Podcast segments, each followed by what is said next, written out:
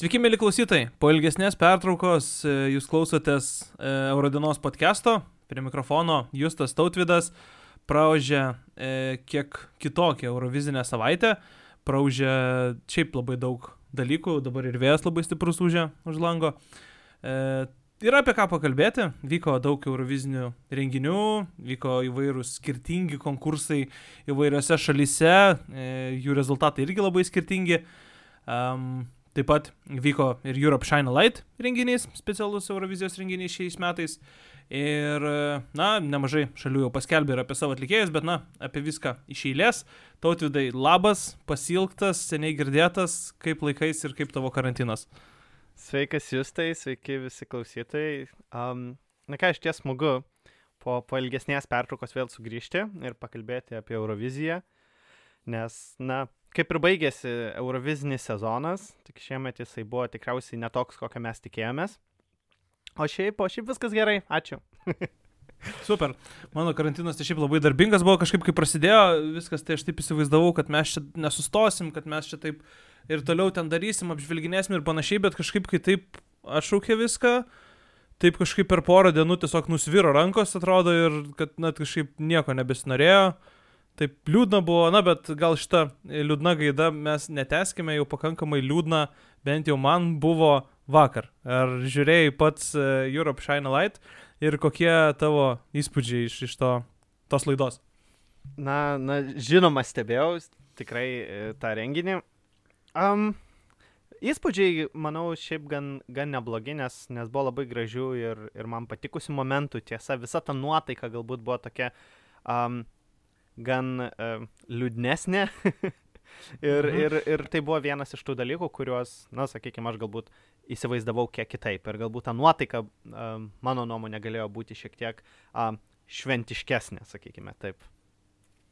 Mhm. Vat aš irgi mačiau ir, ir mimsų visokių jau, ir redite paustų įvairiausių, kad, na, tai buvo ne, ne, ne celebrationas šitų metų, uh, dainų, sakykime, bet labiau toks palaidojimas tai Eurovizijos ar kažkas tai panašaus. Man irgi šiaip aš nesakyčiau, kad tas renginys iš principo buvo blogas, reikia aišku nepamiršti, kad jį suorganizuoti transliuotojai turėjo kiek, du mėnesius, net mažiau šiek tiek negu du mėnesius. Na, apie du mėnesius. Jo, ir da, tai, kas išėjo, tai ir išėjo, man galbūt, jo, e, pirmas dalykas, tai kas man uh, sakykime taip, nelabai patiko, tai vad būtent jo, kaip ir tu sakei, kaip ir internetas kalba, kad, na, ta tokia nuotaika iš Eurovizijos visada tu tikėsi sprogimų, ferverkų, blizgučių ir panašiai. Aišku, e, apie tokius, tokiais, sakykime, būti tokiam džiaugsmingam, laimingam ir festivališkam tokiu galbūt sunkiu laiku yra ir sudėtinga, bet kai kuriuose vietose, man atrodo, buvo šiek tiek perspausta galbūt ir kai kur tiesiog norėjosi šiek tiek labiau pasidžiaugti šių metų dalyviais, negu kad girdėti kažkaip, na, tos įkvepiančios frazės, aišku, jos iš vienos pusės e, kažkam galbūt labai reikia to įkvėpimo šiais laikais, iš kitos pusės, na, jų buvo, na, jau tiek daug, kai kiekvienas dalyvis, 40 e, žmonių, e, sakė savo kažkokias tai mintis apie šitą, na, tą pandemiją, tai tiesiog man atrodo, kad tam buvo skirta šiek tiek per daug laiko. Ir daugiau buvo galima galbūt to laiko skirti ilgesniems dainų pakartojimams, kad e, kuo daugiau žmonių Nes, na vis tiek, pirmą kartą klausantis dainos, tik tai pakartojimą, na, tu jos nei atsiminsi, tau reikia sudaryti kažkokį įspūdį. Ar iš 30 sekundžių galima sudaryti įspūdį, jeigu esi The Roop, tai turbūt galima, kur daug visko ir, ir, ir kur, na, tikrai, tas pirmas įspūdis būna labai stiprus ir, ir nutrinkia tiesiog on fire daina tave ir, ir nori įsijungti antrą kartą, bet manau, kad yra nemažai tokių dainų, na, kurių grožis tiesiog ir slypi tam visoji dainoji, o ne, kažkok, o ne tik priedainyje ar, ar panašiai. Kas man gal labai patiko, tai ypatingai patiko Manso Zermeliovo iš, iš na, tai, kad, na tai, kad išstojimas ir, na, ta daina nuskambėjo visiškai kitokiam kontekste, uh, apie herojus, kas buvo anksčiau tokia, na, kaip ir pop daina, kuri, na, man asmeniškai bent jau nelabai na, ką reiškia. Tai dabar tos dainos kiekvieną kartą klausydamasis aš turbūt ir pagalvosiu apie medikus, pagalvosiu apie tos žmonės, kurie yra tose priešakinėse linijose ir kovoja su koronavirusu.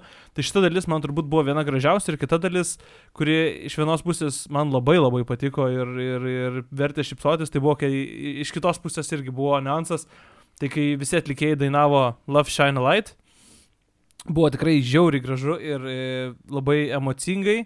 Tai atrodė iš kitos pusės kai kurių atlikėjų autotunas. Tai priežiausi. Na, ten tos porą eilučių. Aš manau, kad kiekvienas iš jųgi sugebėtų išdainuoti ir be jokio autotuno. Tai aš nežinau, kodėl tai buvo padaryta ir kodėl tai ta, tas, tas nuoširdumas ir natūralumas buvo toks susin... net nežinau kaip pasakyti, susistemizuotas, susintetizuotas ir, ir, ir panašiai. Kokiu dar įspūdžiu tu turi? Na tai aš irgi tikriausiai išskirčiau būtent tuos papildomus svečius, kurie pasirodė. Tai galbūt be Mons dar ir e, Marijos Šerifovič molitva atlikta tuščiose Belgrado gatvėse. Na irgi tai atrodė gan, gan įspūdinga. Um, Atrodė tai įspūdingai, bet man tai nepatiko, nes ta daina buvo, jinai paleistas jos įrašas, tas pats, kuris buvo padarytas dar prieš 2007 metų Euroviziją. Na, sakykime, Mansas įrašė akustinę dainos versiją ir panašiai, o čia, na, aš dar ir šiandien perklausiau tą dainą, tai jinai, na, tikrai nebuvo pasistengta ir padirbėta, kad jinai bent kažkiek kitaip ir naujau skambėtų. Man tas pat nepatiko. Na taip, tas tiesa, nes e, vaizdas buvo, buvo tikrai gražus, bet, bet garsas taip aš irgi tą patį pastebėjau, kad tas įrašas buvo toks pats, kokį a, girdėjom prieš, na, jau 13 metų. Wow.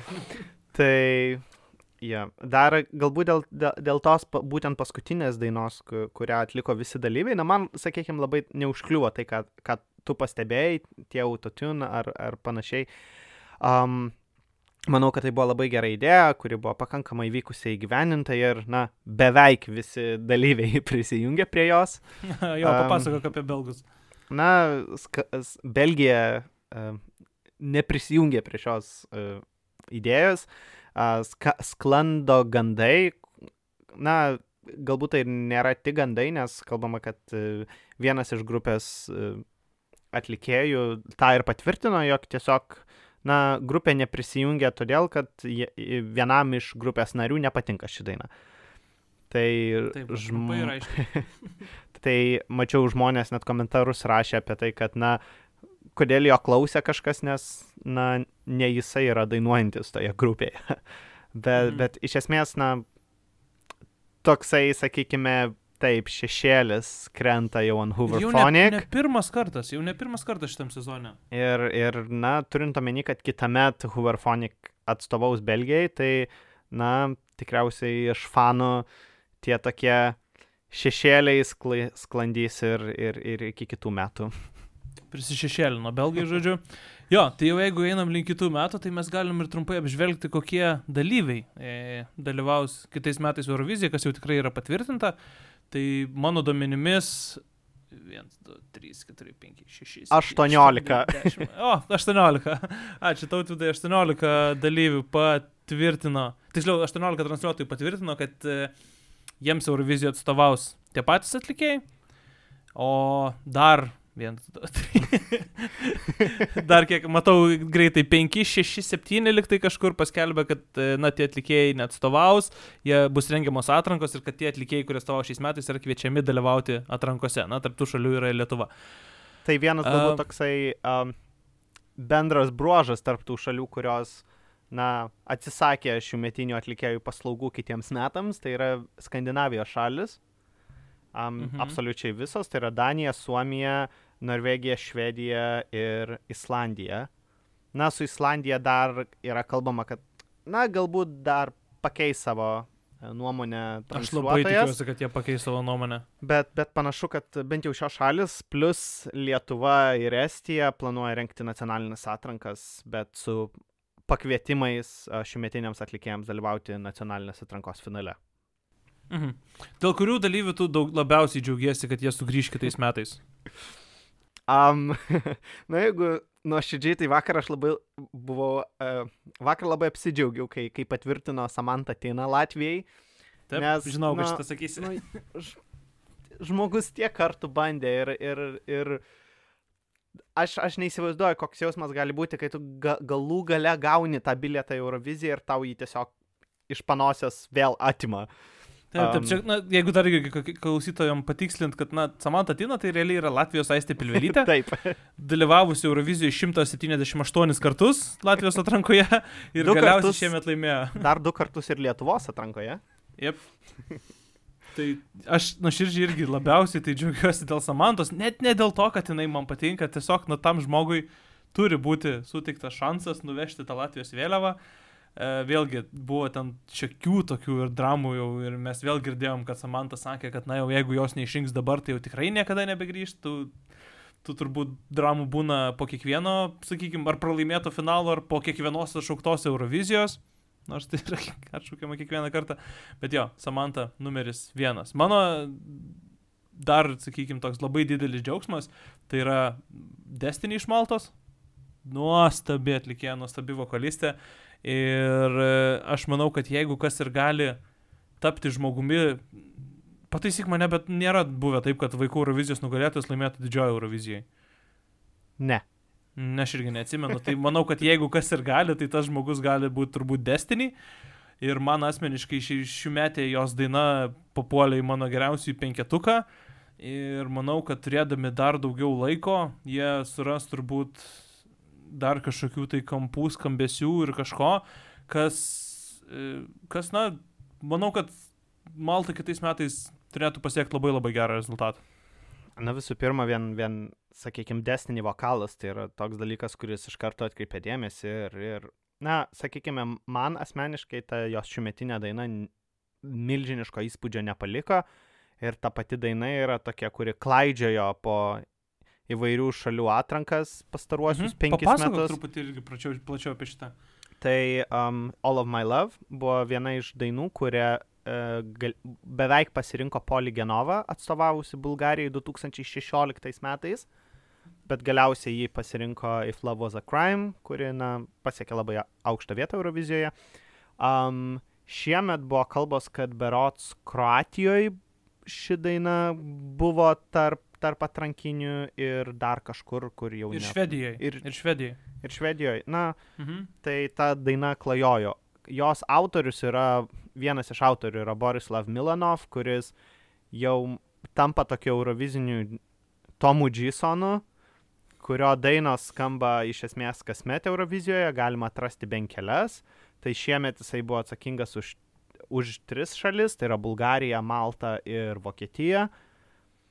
Ir, na, manau, kad ir, ir tai buvo vienas iš tų autorių, kurie labai priešinosi tam, kad šių metiniai e, kūriniai na, negal, negalėjo skambėti Eurovizijoje ir jisai buvo vienas iš organizatorių tų peticijų, kad e, visgi Europos transliuotojų sąjunga leistų e, šiumetiniams dainoms skambėti kitą metą.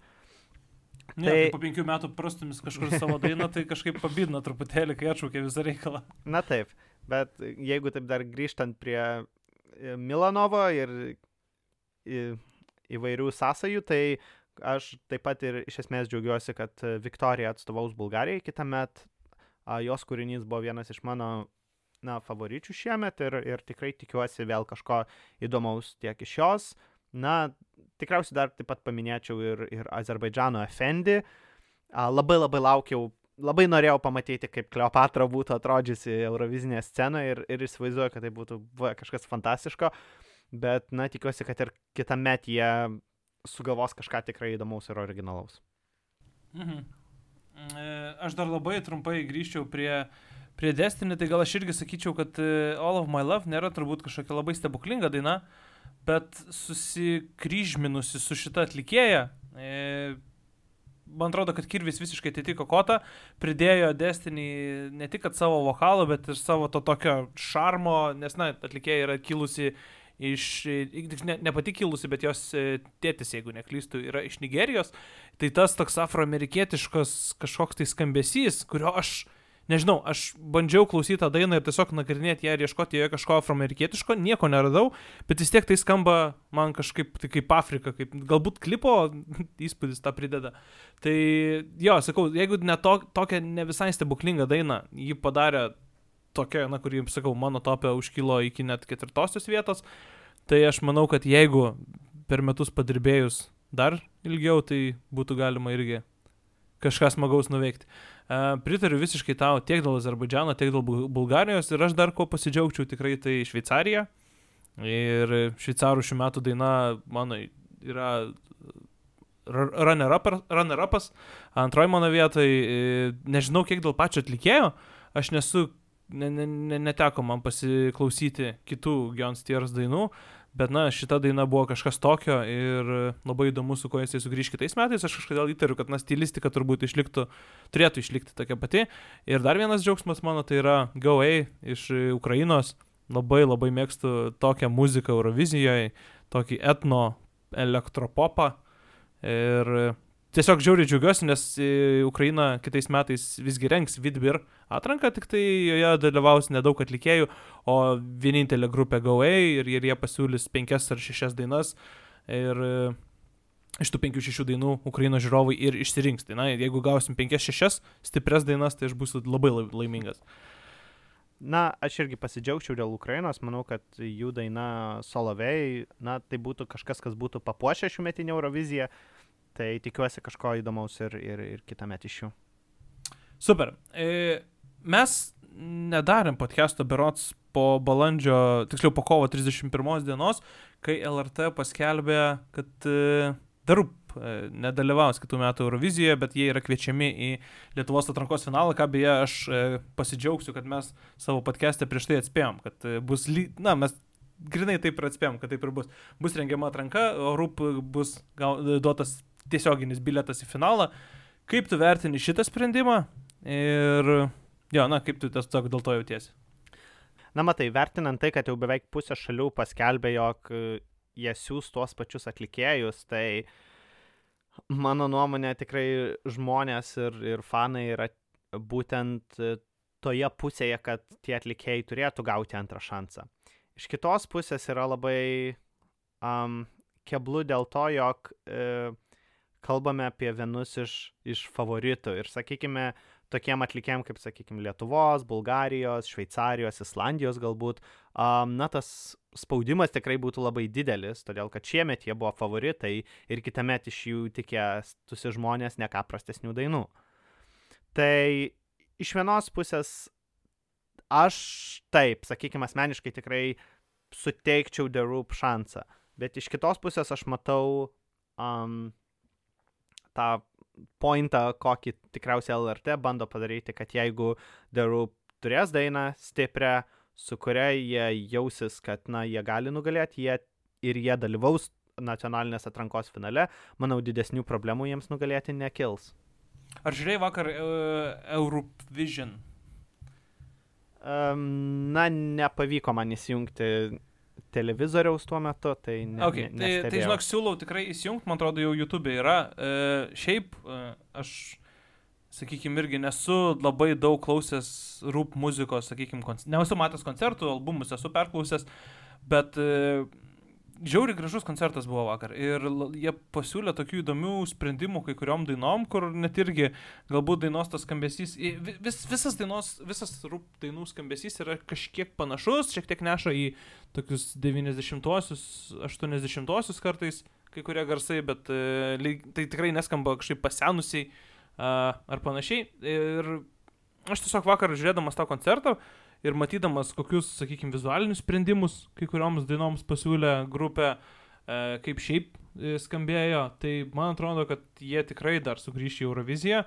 Labai tik tikiuosi, kad nesusipyko su LRT po šito sprendimo, nežinau ten tų visų užkulsinių detalių, bet e, tiesiog tikrai nuoširdžiai tikiuosi, kad jie sukurs gerą dainą ir įrodys, kad yra verti dalyvauti Eurovizijoje ir vežti tą na, Lietuvos vėliavą tenai, nes, na, šiais metais tikrai tokio dėmesio Lietuva niekada nebuvo susilaukusi ir e, tą pakartoti, aišku, bus labai sunku. Aš linkstu jau link e, tos kitos temos, kad e, buvo rengiama labai daug įvairios, įvairiose šalyse įvairių konkursų, įvairių fanų Eurovizijų, tiek ir įvairiose puslapiuose internetiniuose tų balsavimų buvo ir e, vieni drįso apsiskelbti save oficialiais Eurovizijos rezultatais ir panašiai. Mačiau, kai kartais ir Lietuvos naujienų portalai pasigaudavo kažkaip tą tokį norą oficialiai pasiskelbti nugalėtojais e, ir panašiai. E, aš gal pradėsiu nuo to, kad man šit, šitos mini Eurovizijos visos tai yra, na, manau, kad tai yra visiškai absoliučiai natūralus dalykas, tai galų gale vyksta ir šiaip kiekvienais metais, tiesiog šiemet tam buvo skirta gerokai daugiau dėmesio, na, kadangi jau tikroji Eurovizija nevyko. Bet tai, kad, e, sakykime, Lietuvos naujienų portalai pasimdavo tik tai tuos, na, aišku, tai irgi yra natūralu, bet e, tai, kad pasimdavo Lietuvos naujienų portalai tik tai tuos konkursus, kur nugalėdavo The Roop ir aprašydavo labai skambiai, garsiai su notifikationais į telefoną tik tai tuos, man atrodo, yra toks truputėlį hipokritizmas gal? Iš kitos pusės, na tai yra žiniasklaida, tai yra natūralu, kad rašoma apie tai, kas yra aktualu. Ir, na, aprašinėti, sakykime, Švedijos Euroviziją, kur, kurią surengė Švedijos transliuotojas ir kur rūpų žemė ketvirtą vietą, turbūt nėra taip aktualu. Bet man, na, šiek tiek tas toks irgi yra. Mes irgi Eurodinoje susilaukėm tokių komentarų, kad mes čia neprofesionalus, aprašinėjom kažkokius OGAE fanų balsavimus, o ne Hamburgo, sakykime, Euroviziją. Tai kaip tu vertini visą šitą... E, dėmesį e, grupiai rūpi, The Roop ir, ir, ir ar tu manai, kad, e, net nežinau, ar ką tu manai, ar, ar, ar teisingai, sakykime, buvo elgtasi, kad, na, tos kai kuriuos tai balsavimus, kai kurie mūsų naujienų portalai, sakykime, priėmė kaip pergalę jau tikroje Eurovizijoje. Na, bet tai visų pirma, manau, kad uh, tie visi konkursai tikrai yra labai sveikintini ir labai gerai, kad, uh, na, transliuotojai bandė suteikti dėmesio toms dainoms ir ne tik transliuotojai, taip pat ir gerbėjai rengė daugybę konkursų. Um, vieni labiau pavykę, kiti nelabai pavykę, uh, bet iš esmės tai, na, bet koks dėmesys yra geras. Kalbant apie tai, kad uh, yra prašomos tik uh, labai teigiamos naujienos Lietuvai, tai, na, taip, tai, tai, tai nėra labai uh, um, objektivus požiūris viską, nes galbūt galima būtų ir tiesiog parašyti, kad, na, vyko tie konkursų, Lietuva laimėjo tie, kitose jį užėmė tokią, tokią, tokią vietą. Galbūt kažkiek labiau plačiau tai apžvelgti, o ne tiesiog pasimti tą, Lietuva laimėjo ne, ten vos jau neoficialią Vokietijos Euroviziją, kurioje realiai, na, ten klausimas, kiek tų žmonių iš, iš tiesų balsavo ir... ir, ja, ja, ir ten milijonai vyko. vokiečių Taip. nusprendė. tai, tai, tai toksai dalykas yra šiek tiek, na, keistas. Iš kitos pusės, žinoma, to, tos geros naujienos yra, yra labai, na, džiuginantis dalykas, kad ir kaip tai keistai nuskambėjo. Uh, bet uh, galbūt tiesiog tas galėtų būti, na, tos apžvalgos galėtų būti šiek tiek, šiek tiek platesnės. Bet bendrai, na, tikrai turim ko džiaugtis. Na, tas dėmesys, tas palaikymas yra toksai, kokio mes niekada neturėjom ir, ir na, įdomu, kada turėsime tokį dėmesį kitą kartą tai, tai tikrai galim leisti savo pasidžiaugti tomis mini pergalėmis, um, kad galbūt ir kiek, na, nelabai jos kažką lemia ar, ar kažką keičia šiuo atveju. Bet uh, taip pat kalbant apie visus tos konkursus, tai, tai iš esmės manau, kad uh, ir tie rezultatai daug, daug, daugumoje iš jų buvo pakankamai um, panašus, sakykime, tai iš esmės yra trys šalis, kurios turbūt laimėjo iš esmės visus konkursus ir, ir kitos ten nelabai jau kažką. Um, net neatsimenu, kad laimėtų kokia kita šalis negu Šveicarija, Islandija arba Lietuva. Kokį nors. Aš mačiau a... vieną, kur Bulgarija laimėjo, bet ten labai Bulgarija. keistai viskas atrodė. Na tai va, nu, nu gerai, Bulgarija, sakykime, irgi dar galim pri, priskirti prie šitų favoritų ketvirtuko. Koks jisai buvo realiai ir pas lažybininkus, koks jis apie kurį kalbėjo visi pastaruosius mėnesius, tai, na tai nieko nestebina iš esmės. Um, iš ankstiniai favoritai yra aiškus, bet kaip visgi viskas būtų nusilėmę tą Eurovizinę naktį vakar, na, tikrai, tikrai yra labai sunku pasisakyti ir, ir paspėlioti. Nes... O kaip manai... Taip. O kaip manai, kas galėjo tapti tokiu juodu arkliuku ir kas galėjo galbūt uh, ištraukti tokią, na, gal netikėtą pergalę, kaip, e, sakykime, nežinau, na, prieš 2017 metų Euroviziją nelabai kas tikėjosi, kad Portugalija gali laimėti. Ar galėjo kažkas šiais metais kažką tokio padaryti? Matai, dėl Portugalijos dar 2017 metais galbūt buvo tas toksai požiūris, kad Portugalija negali laimėti, nes dalyvavo 50 metų ir niekada nelaimėjo. Dabar, manau, jau tas toksai požiūris nėra labai guvus, nes, sakykime, ir lažybininkai puikiai vertino šansus tų šalių, kurios niekada nėra laimėjusios, tai kaip Islandija, Lietuva arba Bulgarija. Tai šiemet, manau, vat, jeigu būtų šios trys šalis vertinamos gan netaip gerai, tai, tai galbūt tai ir būtų juodas arkliukas, bet iš tų šalių, kurios, um, sakykime, ne, nebuvo labai gerai vertinamos, tai, na, aš nežinau, ar, ar pergalės aš kažko tikėčiausi. Na, jeigu reikėtų kažkokią šalį įvardinti, tai aš įvardinčiau Azerbaidžaną. Tiesiog iš oro. Arba Na, taip, tiesiog Azerbaidžanas. Sakyk, sakyk, žinau, kad nori sakyti Italiją. Na, aš noriu sakyti Italiją, bet Bet žinok, aš irgi noriu sakyti Italiją. Uh, tu tikrai matei tą pasirodymą Veronos tušioje arenoje. Aš Taip. irgi su visais draugais pasidalinau ir e, skaitytojus irgi kviečiu susirasti ir pasižiūrėti, koks nuostabus buvo Diodado pasirodymas tuščioje toje uh, Veronos arenoje. Aš, aš tą ištrauką trumpą, kurią paskelbė, aš nežinau, trečiadienį ar ketvirtadienį, aš turbūt 200 kartų pažiūrėjau.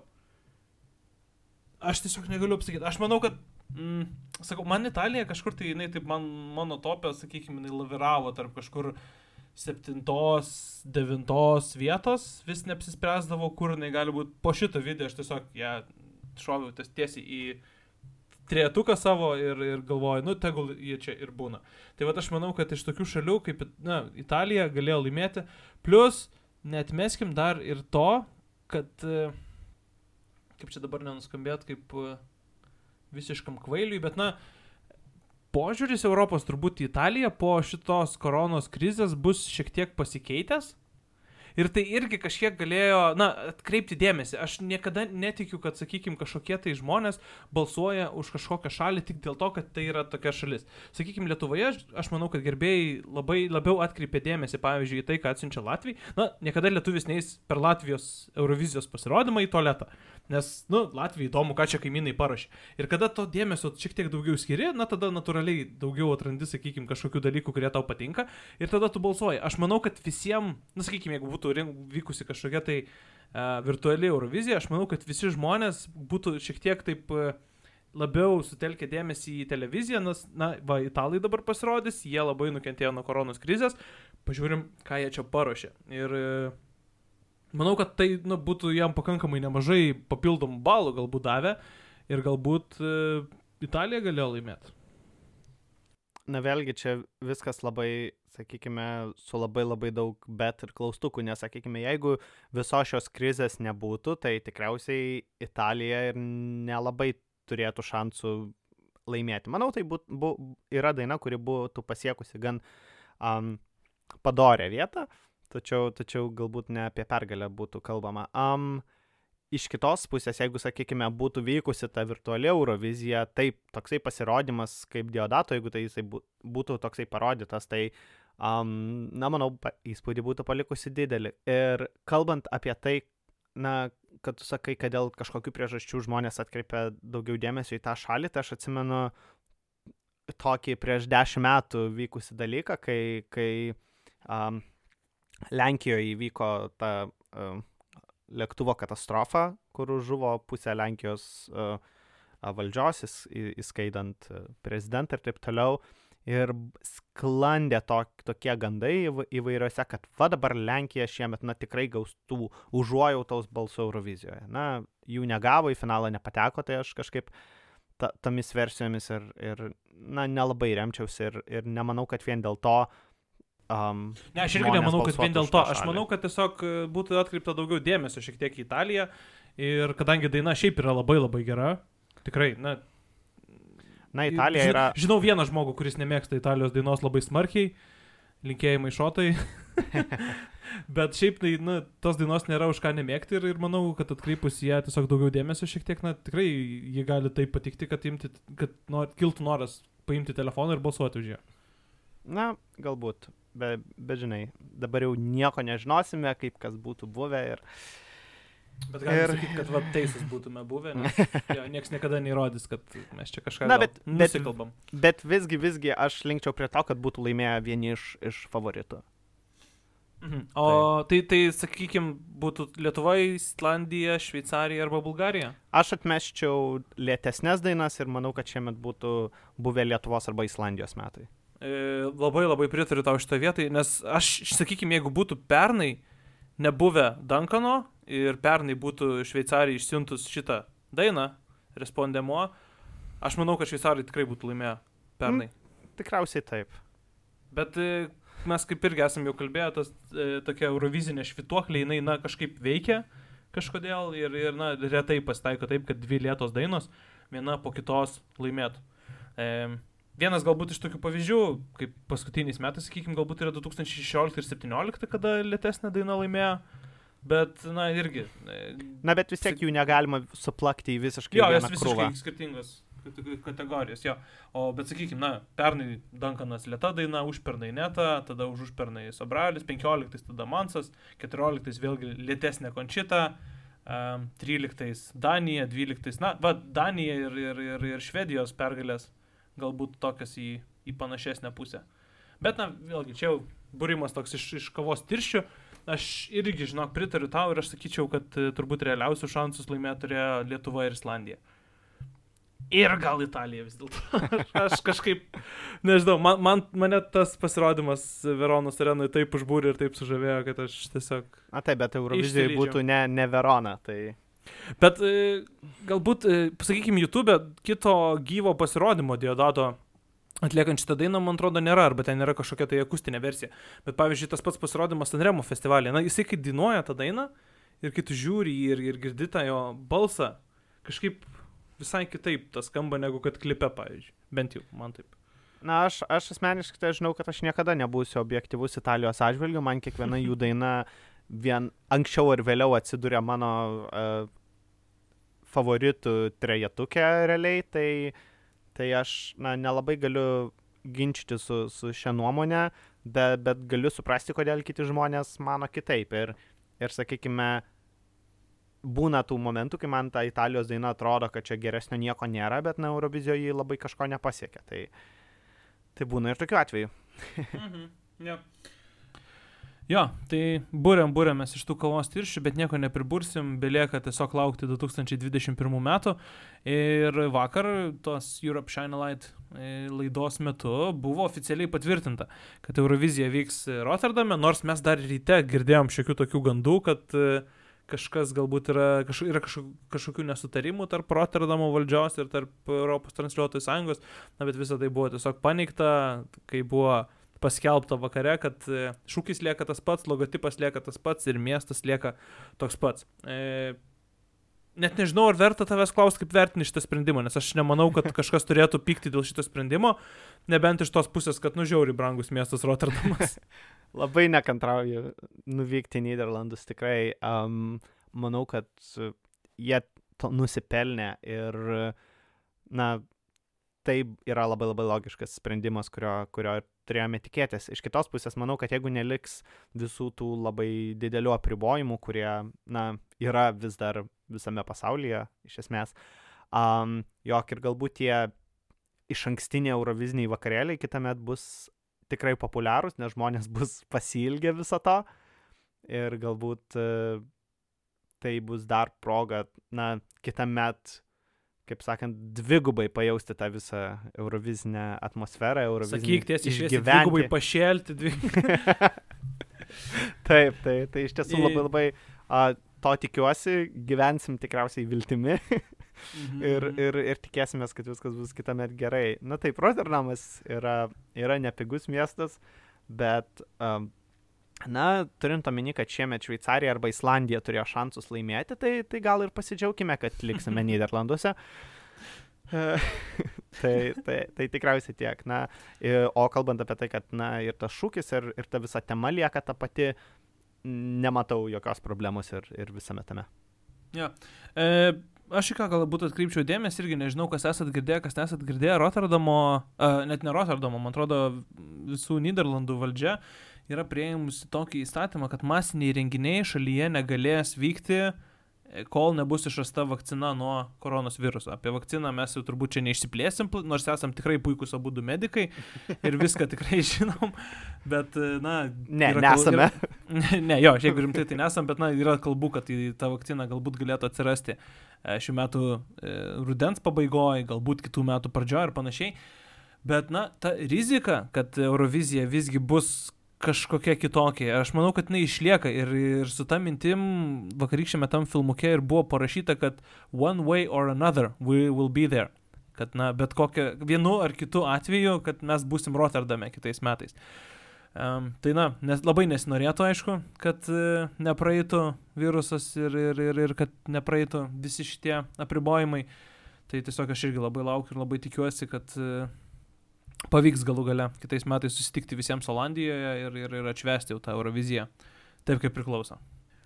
Tai uh, kalbant dar apie tuos apribojimus, tai vakar buvo paminėta ir tai, jog šiumetinė Euro- vaikų Eurovizija visgi vyks Lenkijoje, kaip ir planuota, tačiau ne didelėje arenoje, kaip tikriausiai visi tikėjosi, bet uh, studijoje, kažk kažkurioje studijoje Varšuvoje. Tai irgi toksai, na, tikriausiai bus eksperimentinis dalykas, kuris pamatys, pamatysime, kaip viskas um, praeis ir tai galėtų blogiausiu atveju tikriausiai būti ir alternatyva kitiems metams. Jo, panašu, nes, na, priminsim, vaikų Eurovizija vyksta lapkritį kiekvienais metais, aš nežinau, šiuo metu data yra jau paskelbta. E, 29 lapkričio diena. Jo, e, Varšuva, e, Lenkija, jo. E, du kartus Lenkijos. Lenkija laimėjo vaikų Euroviziją, nėra vaikų Eurovizijoje tokios taisyklės, kad ta šalis turėtų renkti Euroviziją, kuri laimi, tiesiog taip kažkaip paskutinius metus sukrenta dažnai. Ir jo, tai labai gerai pasakė, kad na, tai bus kažkoks tai tarkim test, kaip ir testas, kaip galėtų atrodyti turbūt ta Eurovizija kitą gegužę, jeigu, sakykime, išliks daug apribojimų, išliks grėsminga padėtis, arba, na, tiesiog nebus atrasta vakcina, nes jeigu vakcina nebus atrasta, nu, tai aš kaip suprantu, tiesiog masinio renginio Rotterdame nebus kitais metais, bus kažkoks kitas renginys, bet uh, turbūt apie tai informacijos jau bus gerokai vėliau, vis dar ta situacija išlieka tokia neaiški, kaip kas kodėl, bet, na, sakau, labai gražiai man patiko tas sakinys, kad uh, one way or another we will, we will open up. Tai turbūt šitą e, viltingą gaida mes ir šiandien užbaigiam, labai pasilgom jūsų, jeigu tik tai bus kažkokių svarbesnių naujienų ir jeigu bus tik tai kažką, ką mes galėsim aptarti, būtinai su tautvidu susėsim, pakalbėsim, įvertinsim, apžvelgsim, o gal aš dar ir pareklamuosiu, kad e, jeigu kartais kažkas iš žmonių, kurie klausosi mūsų, norėtų, labai domisi Eurovizija ir, ir norėtų prisijungti prie Eurodienos komandos, Uh, parašykit mum, tiesiog parašykit mum ir, ir, ir pasikalbėsim, pasižiūrėsim, turim irgi labai daug idėjų ir kitiems metams ir kartais tiesiog reikėtų papildomų rankų, kad uh, visas tas idėjas įgyvendintume. Tai su jumis buvo Radonos podcastas, Justas ir Dautidas ir sveikiname iki kito karto. Iki visiems.